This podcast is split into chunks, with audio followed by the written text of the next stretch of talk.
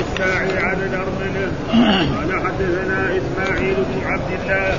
قال حدثني مالك عن صفوان بن سليم يرفعه إلى النبي صلى الله عليه وسلم قال الساعي على الأرملة والمسكين كالمجاهد في سبيل الله أو كالذي يصوم النهار ويقوم الليل قال حدثنا إسماعيل قال حدثني مالك عن هدى بن عن إبراهيم بن مطيع عن أبي هريرة عن النبي صلى الله عليه وسلم باب الساعي على المسكين. قال حدثنا عبد الله بن مسلمة. قال حدثنا مالك عن هدى بن عن إبراهيم عن أبي هريرة رضي الله عنه قال قال رسول الله صلى الله عليه وسلم الساعي على الأرملة والمسكين كالمجاهد في سبيل الله. وأحسبه قال يشق القعد يشق القعد كالقائم لا يفطر وكالصائم لا يفطر باب رحمة الناس والبهائم.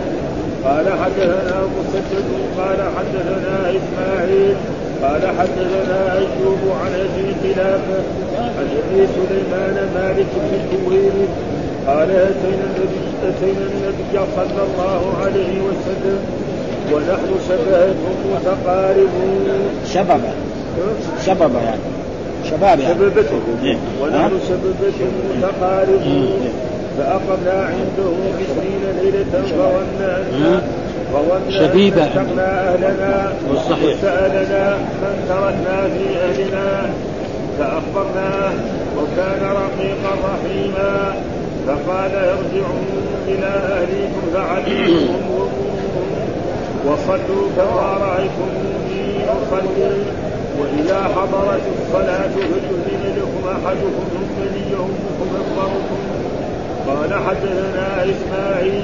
قال حدثني مالك عن سمي مولى أبي بكر عن أبي صالح السمان عن أبي هريرة أن رسول الله صلى الله عليه وسلم قال بينما رجل يمشي في طريق اشتد عليه العطش فوجد فيها فنزل فيها فشرب ثم خرج فإذا كلب يلهل يأكل الثرى من العطش.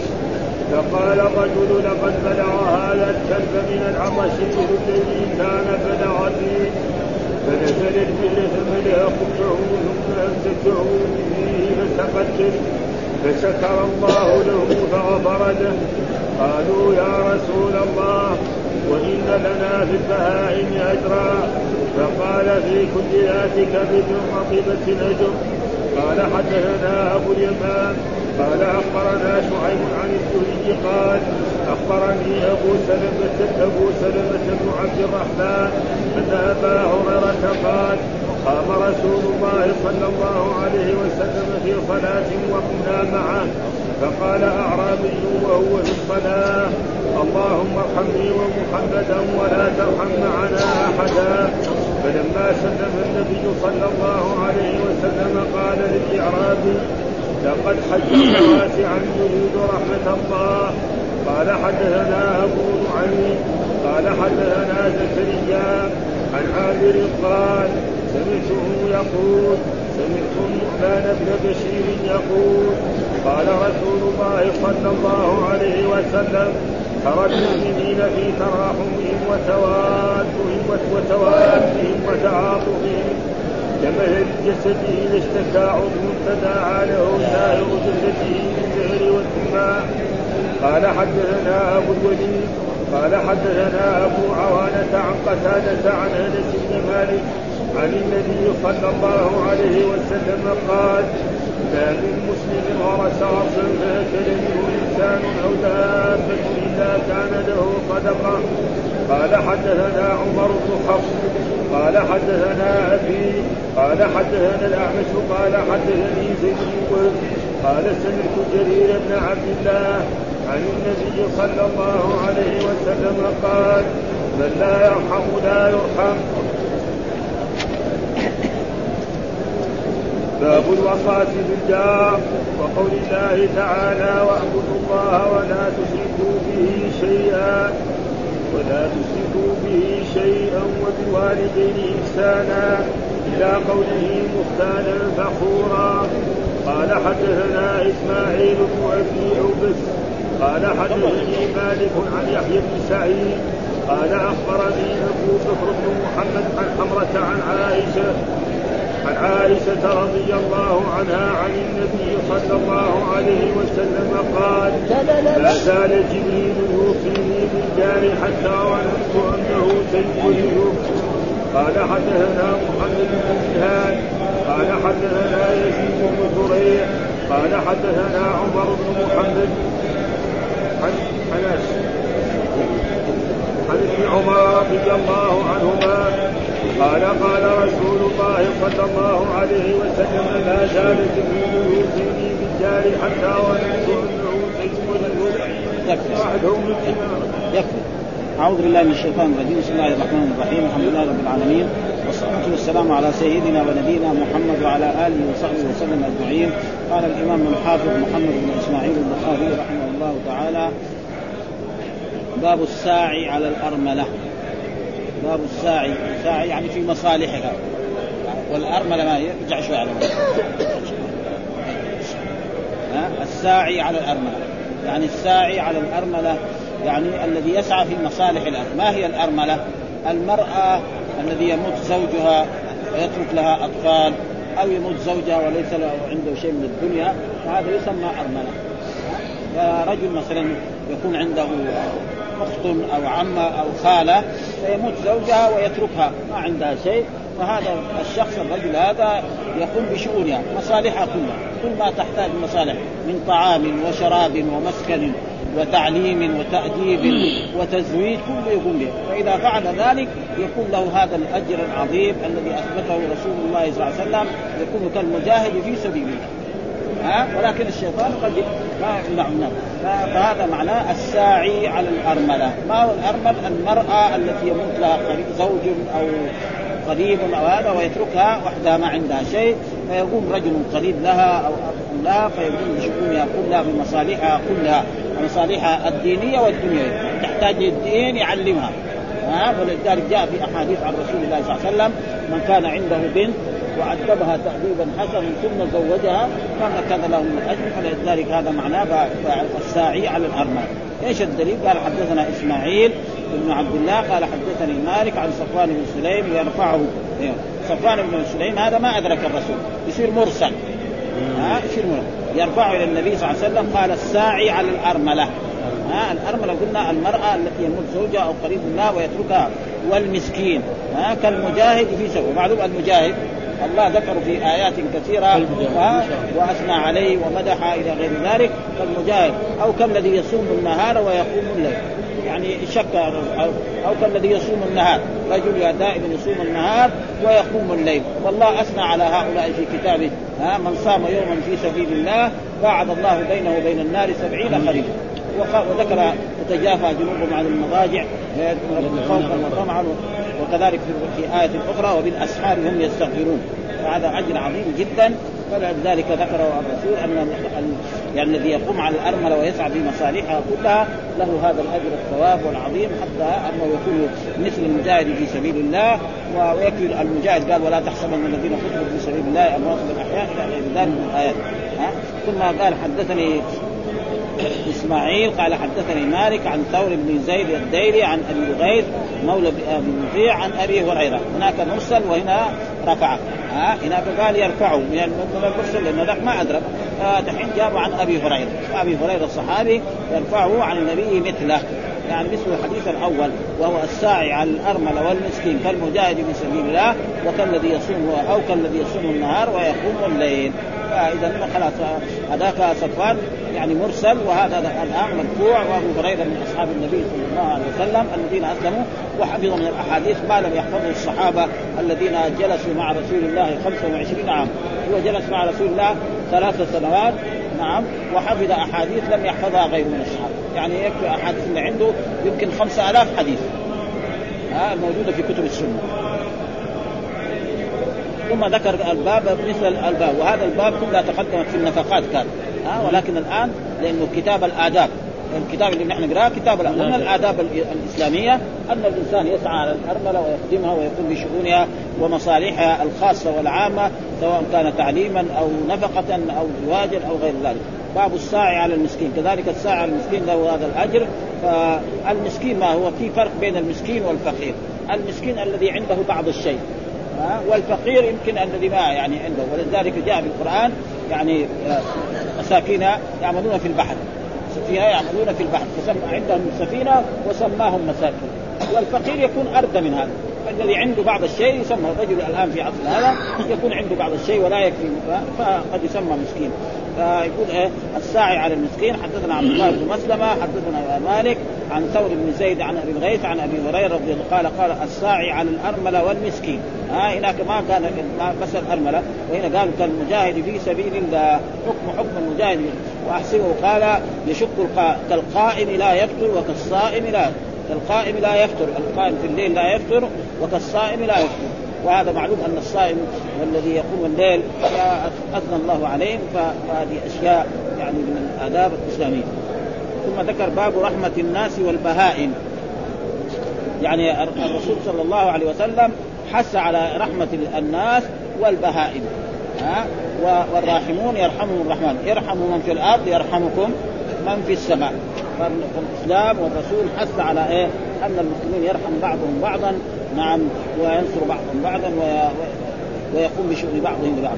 والبهائم كذلك حتى البهائم كذلك يرحمها الإنسان فإذا رأى شاة نعم جوعة أو شاة يضحيها أو طائرا أو حتى الحيوان نعم الكلب التي يعني الرسول ذكر عنه. نعم أنه إذا ولغ في الاناء يغسل سبعا ومع ذلك أمر بإكرام الكلب فإن الأحاديث التي ذكرها رجل سقى كلبا فشكر الله له فغفر له فأدخله الجنة. رجل يسقي كلب ويشكر الله له فيغفر له ذنوبه كلها. الكبائر على الصغائر يعني معنى هذا. ها أو غفر له الصغائر لأنه كثير من العلماء يقول بس يغفر الصغائر. فإذا غفر الصغائر ما يدخل الجنة. اذا كان الكبائر باقي المصائب الكبر يعني ما في. فليس بعيد أن يغفر له كله ما خلى له ولا شيء. حتى يصير يدخل الجنة. أما إذا غفر له الصغائر وباقي الكبائر ما يحصل الجنة. الكبائر هي المصائب كلها. فهذا هو. لكن العلماء دائما يقول آه إن تجتنبوا كبائر ما تنهون عنه كفر عنكم سيئات. آه وفضل الله عظيم جدا. آه باب رحمة الناس والبهائم. فالانسان يكون رحيم يرحم الناس والبهائم وهي الحيوانات. جمع بهيمة وهي كله لا يتكلم. ها؟ ومن ذلك بهيمة الأنعام. ليه سميت بهيمة الأنعام؟ لأنها لا تتكلم. إيش الدليل؟ قال حدثنا مسدد قال حدثنا إسماعيل حدثنا أيوب عن أبي قلابه عن أبي سليمان مالك بن الحويرث. ها, ها قال أتينا النبي صلى الله عليه وسلم ونحن شببة. يعني شبب جمع شاب. ها زي برره ها شبيبة. بار وبررة ها شبيبة؟ إيه؟ برضه صحيح. ها شببة شبيبة. ها ها ها ها يعني في يعني جائز. إذا قال شبيبة وكمان برضه لكن إنما نحن نسمى شببة جمع إيه؟ شاب. و... وبار وبررة ها بار يجمع على بررة وشاب يجمع على شببة ويجمع على شبيبة. برضه يمكن. شبيبة. متقاربون. شباب متقارب يعني في السن يعني واحد عمره 15 سنة واحد عمره 20 سنة واحد عمره 25 هذا معناه ها؟ فأقمنا عنده وأقمنا عند رسول الله صلى الله عليه وسلم في هذه المدينة 20 ليلة. فظن ان نستقنى أهلنا. يعني الإنسان رجل شاب يكون متزوج وكان بعد عن زوجته مدة شهر. 20 يوم فيحتاج اليهم أو يكون صغير عنده أم أو عنده جدة أو غير ذلك فسألنا سألنا يعني قال هذا أنت من لك في بلدك؟ هذا قال له أنا لي زوجة، الثاني قال لا أنا لي أم، الثاني قال لي جدة هذا معنى فسألنا عنها وكان الرسول من إخلاقه هذا. يعني فأخبرناه. كل واحد أخبر، واحد قال أنا تركت أمي، واحد قال له تركت زوجتي أنا، واحد قال تركت أختي، واحد قال تركت جدي، ها؟ واحد قال تركت أبي وعمي وخالي وخالتي والدنيا كلها، كل واحد أخبر وكان رقيقا ها؟ وجاء في بعض الروايات رفيقا رقيقا معناه يعني سهل لين. ها؟ هذا معناه كان رقيق ها فقال فقال الرسول صلى الله عليه وسلم ارجعوا إلى أهليكم. يعني رخص لهم الرسول أن يرجعوا إلى أهليهم ويعلم لأنهم جلسوا عشرين ليلة عند رسول الله تعلموا كثير من احكام الشرع. نعم. ومروهم. ها مروهم بالأوامر التي رأيتم إيه؟ ها كنا نفعلها. وصلوا كما رأيتموني أصلي. يعني وصلوا كما رأيتموني أصلي. فلا تصلوا الظهر والعصر والمغرب والعشاء كما رأيتموني. وهذا حديث مهم جدا في الصلاة. فيجب على المسلم أن يصلي كما صلى الرسول صلى الله عليه وسلم ولا ينقرها نقر الديك أو لا يؤدي ركوعها أو سجودها وصلوا كما رأيتم. وإذا حضرت الصلاة فليؤذن لكم أحدكم. فإذا حضر وقت الصلاة الظهر أو العصر الصلوات الخمس يؤذن ثم يؤمكم أكبركم. وجاء في بعض الأحاديث ثم يعني يؤم قوم أقرأهم لكتاب الله فإن كانوا في القراءه سواء فأعلمهم بالسنة فإن كانوا في السنة سواء فاقدمهم الهجرة فإن كانوا في الهجرة سواء فاقدمهم سلما أي اسلاما أه؟ فعلى كل حال هنا جاء بواحد شيء. بس يؤمكم أكبركم. لازم يكون أكبركم سنا ويكون أعلم بأحكام الصلاة. أما إذا كان أكبرنا سنا ولا يعلم أعمال الصلاة ما يصير. ها لأن الأحاديث يفسر بعضها في أحاديث أخرى. قال يعني أمكم أقرأكم لكتاب الله. فإن كانوا في القراءة سواء فاعلموا بالسنة، فإن كانوا في السنة سواء فاقدمهم هجرة، فإن كانوا في الهجرة فلأجل ذلك. ومحل الشاهد الذي يعني الذي هذا ارجعوا إلى أهلكم فعلموهم وهذه من الآداب. ها؟ و وعلمهم هذه الأشياء. ف... ف... يعني لها علاقة بإيه؟ بكتاب الأدب. و... ورحمة الناس. هذا. ارجعوا إلى اهليكم فعلموهم ومروهم. فهذا من إيه؟ من التعليم ومن الأمر فيدخل في إيه؟ في الآداب وأنه هذا من الرحمة رحمة الناس أن الإنسان يعلم الجاهل نعم والمحتاج يعين ويساعد. الحديث الثاني قال حدثنا إسماعيل حدثنا مالك عن سبي مولى أبي بكر عن أبي صالح السمان عن أبي هريرة أنه قال بينما رجل يمشي بطريق اشتد عليه العطش فوجد بئرا فنزل فشرب ثم خرج فإذا كلب يلهث يأكل الثرى من العطش. فقال الرجل لقد بلغ هذا الكلب من العطش مثل الذي قد كان بلغ مني بي. فنزل البئر فملأ خفه ثم أمسكه بفيه فسقى الكلب فشكر الله له فغفر له. قالوا يا رسول الله إن لنا في البهائم أجرا. قال في كل ذات كبد رطبة أجر. وهذا محل الشاهد. ها؟ فهنا في هذا الحديث يقول بينما رجل يمشي في طريق اشتد عليه فوجد بئرا فنزل فشرب.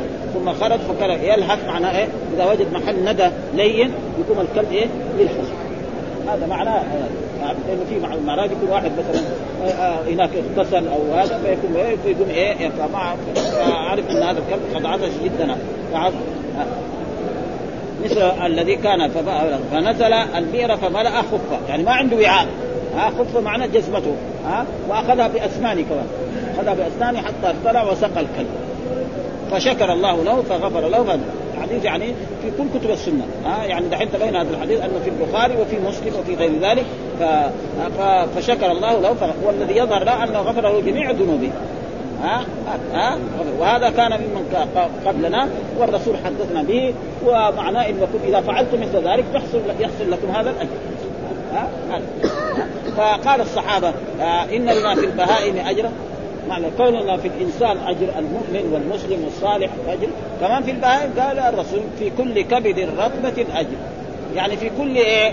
كبد حية. إيش رطبة معناه؟ في هذا الحديث معناه حية. ها؟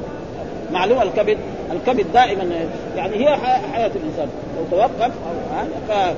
ومعلوم أن الكبد يقول لما يحطها في النار يعني منها إيه؟ شيء زي إيه؟ زي الماء في الأول ها حتى بعد ذلك فلذلك في كل كبد رطبة، إيش معنى رطبة؟ حية فالإنسان إذا سقى كلبا ويكفي ذلك احاديث تقدمت أن امرأة أدخلها الله النار بسبب هرة لا هي أطعمتها وسقتها ولا هي تركتها تأكل من خشاش الأرض بل حبستها في مكان حتى ماتت فعذبها الله ومعنى عذبها الله عذب على قدر ذنبه ليس معناه خلدها في النار هذا الذي يظهر من إيه؟ لأنه يعني ما فهذا الحديث يعني إيه؟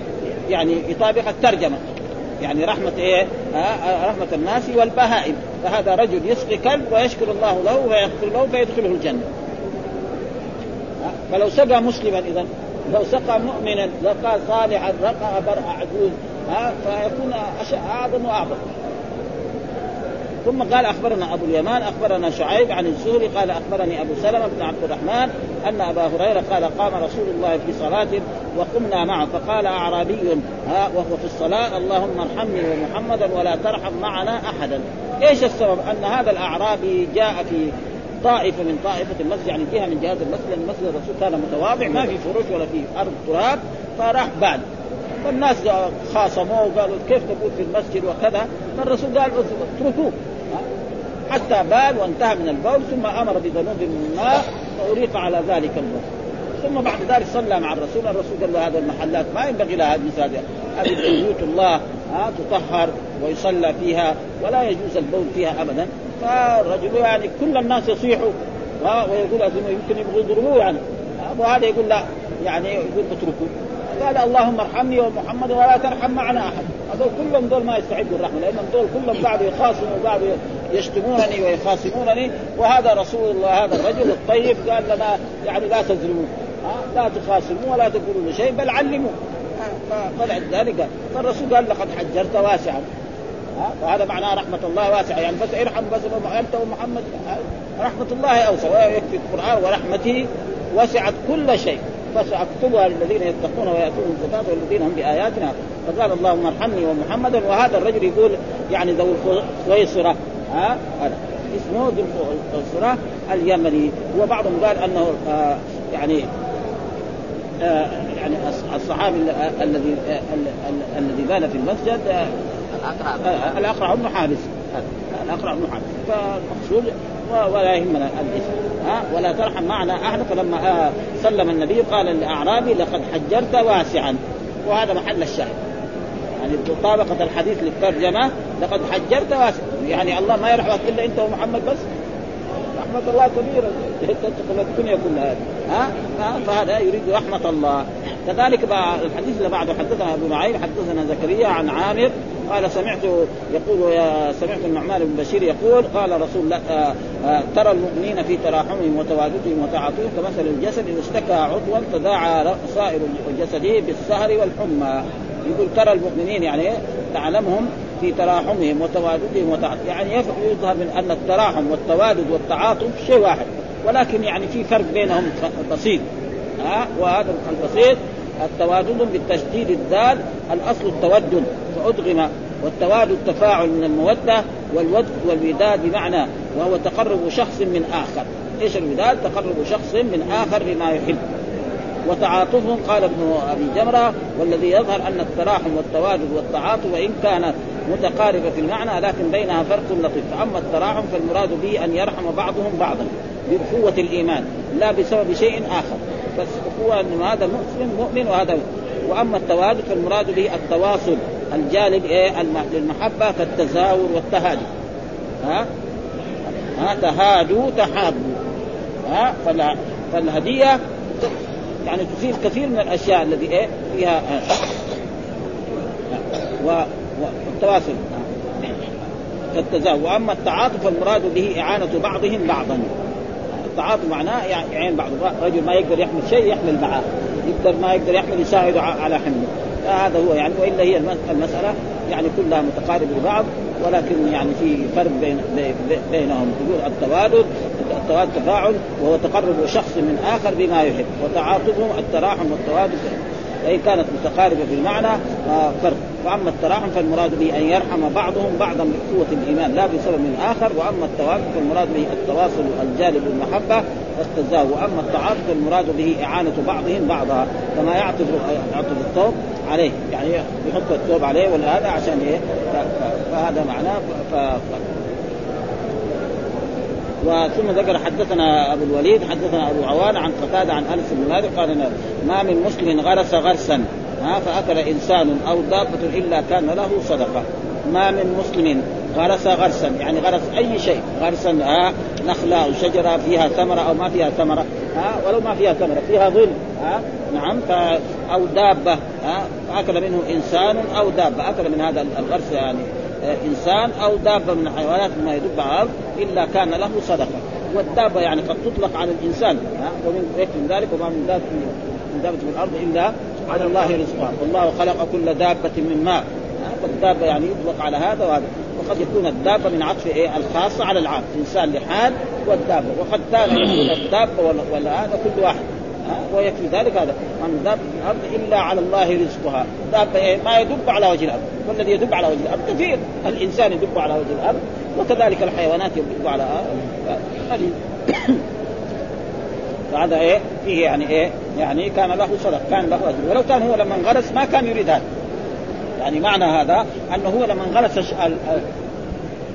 الغرس هذا ما كان يريد يعني الناس ياكلوا منه أو ما لكن إذا اكل الناس منه فإنه في ذلك له الأجر وله الثواب. ثم ذكر حدثنا عمرو بن حفص قال حدثنا أبي حدثنا الاعمش قال حدثنا زيد بن وهب قال سمعت جرير بن عبد الله عن النبي قال من لا يرحم لا يرحم.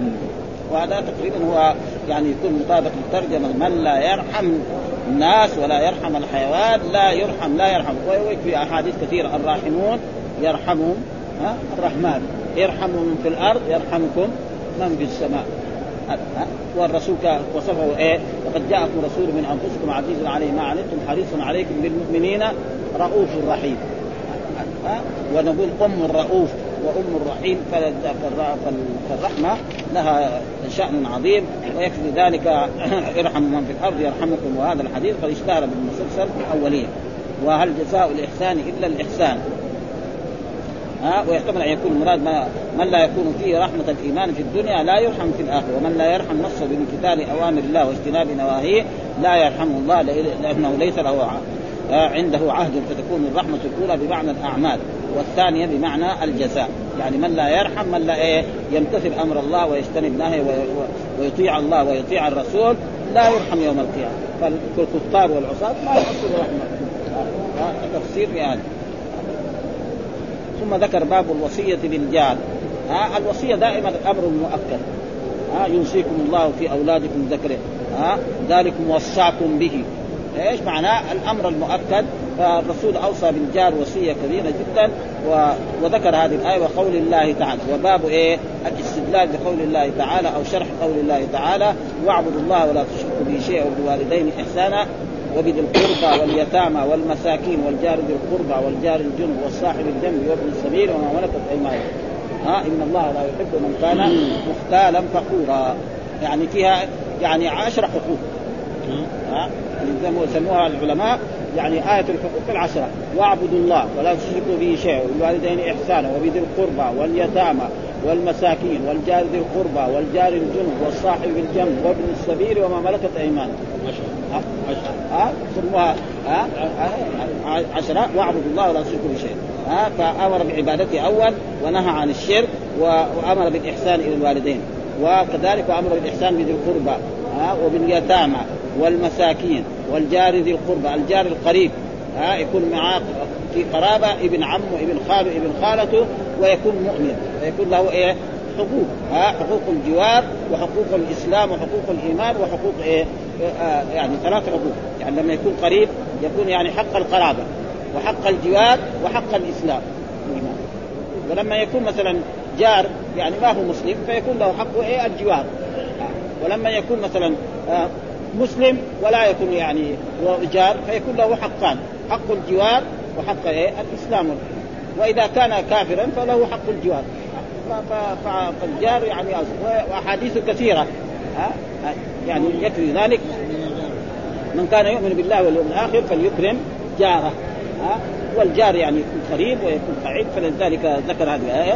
قال باب هذا آه وأعبد الله ولا تشركوا بشيء إلى قوله مختالا فخورا والآية في سورة النساء معروفة. قال آه باب الوصايا بالجار بفتح الواو وتخفيف الصاد المهملة مع المد لغة في الوصية. وكذا الوصايه بإبدال الهمزة ياء وهما بمعنى لكن الأول من أوصيت والثاني من وصيت. يعني الأول من إيه من الرباعي والثاني. ووقع في شرع آه في كتاب البر والصلة ولم أرى ذلك في شيء من الروايات. واعبدوا الله يؤيد ذلك لأنه بوب على ترتيب ما في هذه الآية.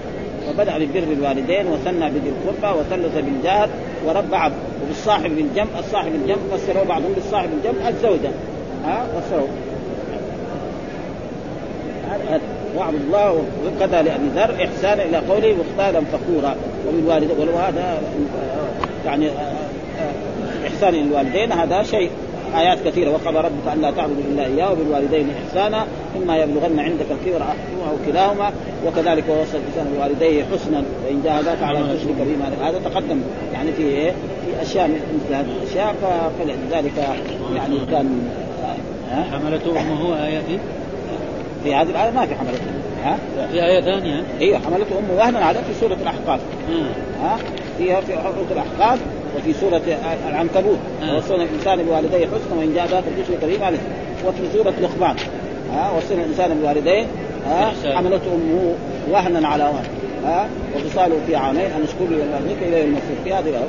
والآية وقضى ربك ألا تعبدوا الا اياه إياه وبالوالدين إحسانا. هذه كلها آيات وفي كذلك في الأنعام ها؟ ذلك مصداق به وأعبدوا الله ولا تشركوا بشيء والوالدين إحسانا ولا تقتلوا أولادكم خشية إملاق نعم. يعني عدة آيات كثيرة يعني.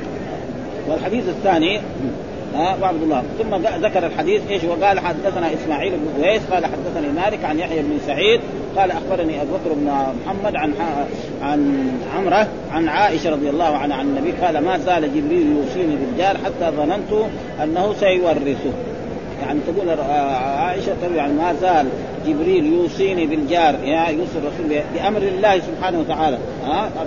جبريل ما يوصي الرسول ولا يأمر بشيء. حتى ظننت أنه سيأتيني بأمر من الله سيورث. يقول إذا مات الجار وله جار يا سيورث. ها؟ من كثر ما كان يوصيني به و... و... ويذكرني بذلك. والحديث الثاني بس مثل الأول حدثنا منهال حدثنا يزيد بن زريع حدثنا عمر بن محمد عن أبيه عن ابن عمر قال قال ما زال جبريل يوصيني بالجار حتى ظننت أنه سيورثه.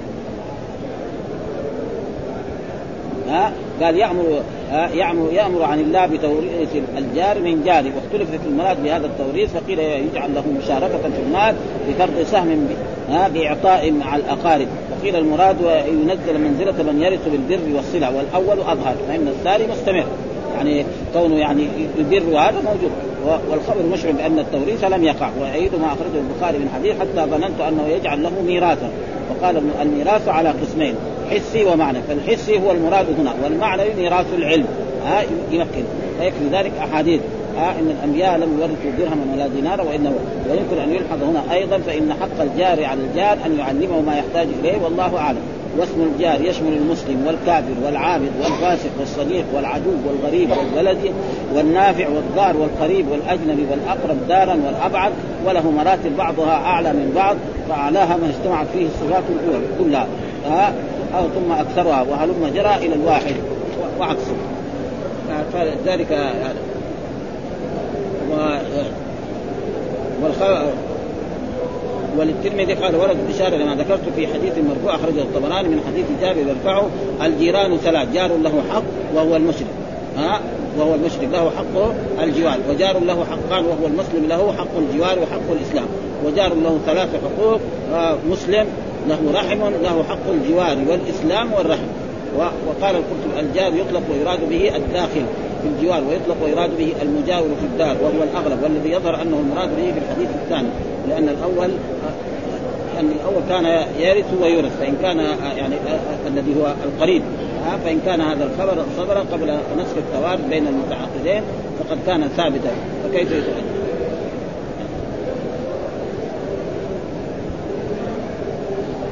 وكذلك ويحصل بامتثال الوصية بايصال ضروب الإحسان إليه بحسب الطاقة كالهديه والسلام وطلاقة الوجه عند لقائه وتفقد حاله ومعاونته فيما يحتاج إليه إلى غير ذلك وكف أسباب الأذى عنه على اختلاف أنواعه حسية كانت أو معنوية. وقد نفى صلى الله عليه وسلم الايمان عمن لم يأمن جاره بوائقه. كما في الحديث الذي يليه وهي مبالغة تنبئ عن تعظيم حق الجار وأن ابراره من الكبائر قال ويفترق الحال في ذلك بالنسبة للجار الصالح وغير الصالح الذي يشتمل. المقصود هذا يعني. قال إلا بيان لفظ الوصية إلا أن الحديث يشعر بأنه بالغ في تأكيد حق الجار وقال يستفاد من الحديث أن من آ- أكثر آ- أن من أكثر من شيء من أعمال البر يرجى له الانتقال إلى ما هو أعلى منه فان الظن إذا كان في طريق الخير جاز له ولو لم يقع المفضول بخلاف ما إذا كان في طريق الشر. ها، ظن مثلا انسان طيب فهذا طيب وفيه جواز الطمع والفضل اذا توالت النعم وفيه جواز التحدث بما يقع في النفس من أمور الخير والله أعلم. ثم ذكر باب اسم من يأمن جاره بوائقه. يوبقهن يهلكهن موبقا مهلكا. باب اسم من لا يأمن جاره بوائقه. فيقول هنا باب يعني اسم يعني ذنب. والوعيد الذي رتبه رسول الله صلى الله عليه وسلم ما من لا يأمن. يأمن هنا من الإيمان. ها يأمن. هذا يأمن الأولانية من الإيمان الذي هو ضد إيه؟ النفاق والكفر. والثاني آه لا آه لا جاره بوائقه في, نص الحديث. هذاك بمعنى إيه؟ يعني شروره يعني باللفظ واحد. لكن هنا لها معنى وهنا لا لها معنى. فهنا مثلا في الحديث آه والله لا يؤمن والله لا يؤمن والله لا يؤمن. من قال والله لا يؤمن والله لا يؤمن هنا بمعنى إيه؟ بمعنى الإيمان الذي هو ضد الكفر والنفاق. ها؟ وهنا بعد ذلك قال من لا يأمن جاره بوائقه. فهنا إيه؟ يعني هنا لا يأمن هنا إيه بمعنى إيه؟ بمعنى شر يعني هي اللفظ واحد. فلذلك هنا باب اسم من لا يأمن جاره يوبقهن ها؟ في يعني آية. وهذه عادة البخاري. دائما لما تيجي لفظة كده غريبة يجيب لها دليل من القرآن. ها؟ عشان إيه؟ يستدل بها يعني. ها؟ يهلكون موبقا مهلكا. وهذه آيات في القرآن موجودة. فاذا البواق معناه إيه؟ ما يهلك الإنسان وما يوقعه في الشر. فباب إثم من لا يأمن جاره بوائقه. أنا كان يعني كنت أظن يعني مر علينا زمان إنه يعني من القواعد اللي يعرفها في اللغة العربية انه ضمير الغائب لا يجوز يعود على متأخر لفظا ورتبه وهنا وأنا كنت أظن لكن الحافظ ما تعرض. يعني كنت أظن إنه يكون لا يأمن بوائقه جاره. ولكن هو شرحه على انه جاره هو الفاعل وبائقه هو المفعول. وهذه قواعد يعني علمية في النحو انه لا يجوز ضمير الغائب يعود على متأخر لفظا ورتبه دائما ضمير الغائب يعود على شيء قبل مثلا والقمر قدرناه. هذا على مين؟ حاميم والكتاب المبين انا جعلنا إلا في مواضع خاصة. في مواضع خمسة في اللغة العربية يعود إيه الضمير على متأخر لفظا ورتبه معروفة يعني. ها في التنازع في هذا. ولعل بعض إخواننا يعني مر عليهم شيء زي هذا. يعني هذا اللي كان يعني. ها؟ لأن الحين يأمن جاره الهافي جاره عائد على مين؟ ها؟ على بوائق ها؟ وهذه ما في اللغة العربية. دائما ضمير الغائب يعود على شيء قبل. إلا في مواضع خاصة. ها؟ مواضع خاصة هي في اللغة العربية خمسة. بس. ها؟ منها باب التنازع وباب رب وباب مثلا نعمة وبئس. مثل هذه الأشياء. بالفاعل ها؟ وبالفاعل شوف. واذ ابتلى إبراهيم ربه. هنا هذه رب عائد على مين؟ على إبراهيم. وإبراهيم إيه؟ مفعول به لكن متقدم في إيه؟ في النص. ها؟ زي ما قال ابن مالك إيه؟ يقول ها؟ زانا زان نوره الشجر. الشجر هذا. هذا شاذ هذا. زان نوره الشجر. زان نوره الشجر. فنوره الضمير في الهاء في عائد على الشجر. هذا يعني زي هذا. ويمكن يعني لعلنا يعني نجد من ما تعرض يعني. فيقول باب اسما لا يأمن جاره بائقه إيش الدليل؟ قال حدثنا عاصم بن علي قال حدثنا أبي ذئب عن سعيد عن أبي شريح أن النبي صلى الله عليه وسلم قال والله لا يؤمن والله لا يؤمن والله لا يؤمن. ها؟ والله لا يؤمن. يعني إيه؟ لا يكون مؤمنا إيمانا كاملا. يعني ما لا كافر مرتد. ودائما الرسول إذا نفى الإيمان في بعض الأحاديث معناه إيه؟ نفى عنه إيه؟ الإيمان الكامل. هذا هو الصحيح. وأي واحد قال إنه خلاص كافر يعني غلطان. وهذا موجود يعني كثير. المعتزلة يقولوا هذا الكلام. ها؟ والخوارج يقولوا هذا الكلام. ويوجد كذلك ناس الآن من طلبة العلم يقولوا هذا الكلام. يقول لك الرسول قال ما هو مؤمن نحن نقول مؤمن. لا يصير هذا. ها؟ ها؟ فيجب في هذه الأشياء والله لا يؤمن يعني آه لا يكون مؤمنا كامل الإيمان. هذا هذا صحيح آه يعني عنده ناقص. مثل ما جاء في الأحاديث التي تقدمت لنا لا يزني الزاني حين يزني ولا يشرب الخمر حين يشربها هو ولا ينتهي بنهضة ذات شرف يدخل الناس اليها فمعنى إنه مرتد. الجواب لا. فلأجل ذلك إذا لا يؤمن معناه يعني لا يؤمن ايمانا كامل والله لا يؤمن. فحتى يقول في بعض الروايات أن الصحابة قالوا خاب وخسر. ها؟ من هو يا رسول الله؟ فقال لهم هذا. ها؟ لا يأمن جاره بوائقه يعني لا يأمن جاره بوائق شرورة. فهو مثلا يرتكب بعض الاثام أو يدخل في في داره.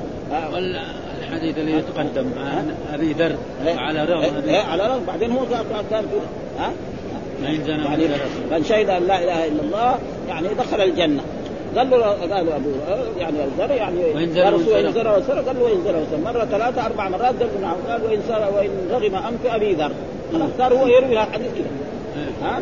في الرابع يقول وإن رغم انف أبي ذر. وهذا دليل على أنه ليس مرتد. هذا هو الصحيح نعم. في في الوعظ مثلا زي هذا حديث في خطبة جمعة أو وعظ يقولها كذا ويتركها لا يشرحها. ما في بس يسمع واحد يخاف. ها؟ يعني لا تشرح. فإذا ما شرحت بان لكن كونه يقول لا يقول يشرحها يقول إنه مو هو مؤمن مرة هذا ما يصير. نعم في خطبة الجمعه يقول مثلا عنده خطبة في الجمعة في إيه؟ في الجار في حقوق الجار. فيذكر هذا الحديث ويخليه كذا خلاص. فالناس يخافوا. يقول اليوم يقول رجل عادي يقول الرسول قال اللي جاره لا يؤمن. أنا بطلت خلاص من أنا لست مؤمنا. يخاف. ويترك هذا يكون طيب. أما في طلبة العلم فيجب شرحها يعني عشان هذا. في بن السلام قال الرسول لابو بكر قم أذن. ها؟ إن حقوق إن الجار 100 بيت. في بيت في الأربعين يعني الجار أقربهم أول يعني إذا أراد يهدي يهدي لمن أقربهم. جوارا ويكفي تأتي أحاديث في هذا الموضوع. نعم. ف قال لا يأمن جاره بوائقه ها تابعه شبابه وأسد بن موسى وقال حميد بن أسد عن وشعيب عن إسحاق عن ابي زيد عن عن المقبري عن أبي هريرة. قال باب اسما لا يأمن جاره بوائقه البوائق بالموحده والقاف جمع بائقة وهي الداهية. والشيء المهلك والأمر الشديد الذي يوافي وقتا يوبقهن يهلكن موبقا مهلكا. وهما أثران. قال أبو عبيد في قوله تعالى أو يوبقهن بما كسبوا يهلكهن وقال في قوله تعالى وجعلنا بينهم موبقا أي متوعدا. وأخرج ابن أبي حاتم وجعلنا بينهم موبقا أي مهلكا وقول عن أبي سعيد المقبري وهو آه وقع منصوبا غير مسمى عند الاسماعيلي والله لا يؤمن فيه تكرارها ثلاثة صريح. وهذه كان من عادة الرسول دائما في المسلمين يعني يكررها ثلاثة لا. وكأنه اختصار من الرأي ولأبي يعلى من حديث أنس ما هو بمؤمن؟ والطبراني من حديث كعب لا يدخل الجنة. ولأحمد نحوه عن أنس بن مالك قيل يا رسول الله ومن؟ ها هذه الواو يحتمل أن تكون زائدة أو استئنافيه أو عاطفة. عن شيء مقدر عرفناه فالمراد مثلا ها ومن المحدث عنه. وقع يعني وذكر المنزل في ترغيبه بلفظ قالوا يا رسول الله قد خاب وخسر من هو؟ قد خاب من هو؟ وعزاه البخاري للبخاري وحده. وما رأيت فيه بهذه الزيادة. الحافظ ماذا قال الذي لا يأمن جاره بوائقه من لا يأمن جاره؟ في حديث كعب من من خاف من خاف زاد أحمد والإسماعيلي وما قال شره. وعند المنذر هذه الزيادة ولم أرها فيه. وفي المتن جناس بليغ وهو من جناس التحريم وهو قوله لا يؤمن لا يؤمن لا يؤمن. فالأول من الإيمان والثاني من الامان جناس. ها؟ جناس. ها؟ أول قال والله ها؟ والله لا يؤمن والله لا يؤمن والله لا يؤمن. لما قالوا من هو؟ قال الذي لا يؤمن قالوا بوائق فهنا لا يأمن هنا بمعنى إيه؟ آه الشروط هي اللفظة واحدة ولكن يعني دلت على أنه يعني فيها هذا.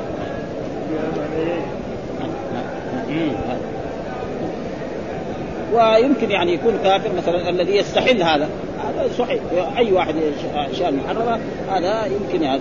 ولا شك أن العاصي غير كامل الإيمان. وقال النووي على نفي الإيمان في مثل هذا جوابان. أحدهما أنه في حق المستحيل والثاني أن معناه ليس مؤمنا كاملا.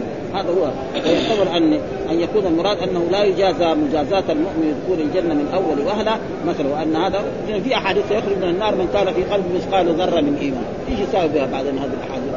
ها؟ ها؟ ابدا. وإذا أكد حق الجار مع العائد بين الصح وبينه يحفظه وإيصال الخير اليه وكف وكف اسباب الضرر عنه. فينبغي أن يراعى حق الحافظين آه الذين ليس بينه وبينهما جدار ولا إذا كان هو في غرفة واحدة. الرجال يكون أكثر. ها؟ ها؟ والله حسنات ثم قال باب لا تحقرن جارة لجارتها. باب لا تحقرن. ها يعني نهي مع التأكيد. اصله لا تحقر ثم أتى من التوكيد جارة لجارتها. وهذا ليه خاطر النساء؟ لأن النساء هم الذي يكون في البيوت وهم الذي يؤدون الطبخ.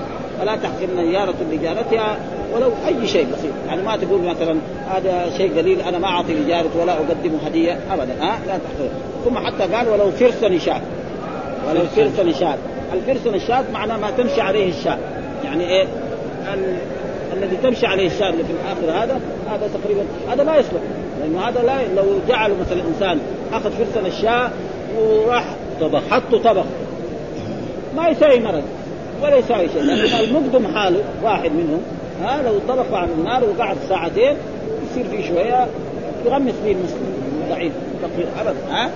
فرسا يعني يعني لا تحقرا ولذلك تقدم لنا حديث ان أن عائشة لما دخلت عليها المرأة وعندها بنتان فأخرجت تمرة واحدة. اعطتها فاخذ التمرة وقسمتها بين بنتيها ولم تأكل. وفي رواية أنها ثلاثة فقسمت أعطت هذه تمره والثانية تمرة ثم الثالثة أرادت أن تأخذها فطالعت فيها بنتها فأعطتها ها؟ فالإنسان فهذا معناه لا يحتقر الشيء ها لا يحتقر الشيء الضعيف ابدا ابدا ها؟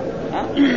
ويكفي اتقوا النار ولو بشق تمر حديث كذا اتقوا النار ولو بشق تمر فالإنسان أي شيء يفعله فإنه يؤجر عليه ويكفي ذلك أن الرجل يتصدق بالصدقة فتقع في يد الرحمن فيربيها كما يربي أحدكم شروع حتى تكون مثل جبل أحد من الثواب ومن الحب مثل أحد ها؟ ويكفي ذلك ما ثبت عن أصحاب الرسول صلى الله عليه وسلم يعني أن أصحاب الرسول لو أنفق أحدكم مثل أحد ذهبا ما بلغ مد أحدهم ولا نصف فلذلك يجب الناس دائما يكون الاذلام مع آه. كل يوم كل يوم يقول جيب جيب. هذا معون ويضيع كل يوم. لا ما يقول كل يوم. آه. ما يقول كل يوم. أيوه. ها؟ كل يوم كل يوم. الحمد لله رب العالمين وصلى الله وسلم على نبينا محمد وعلى آله وصحبه وسلم.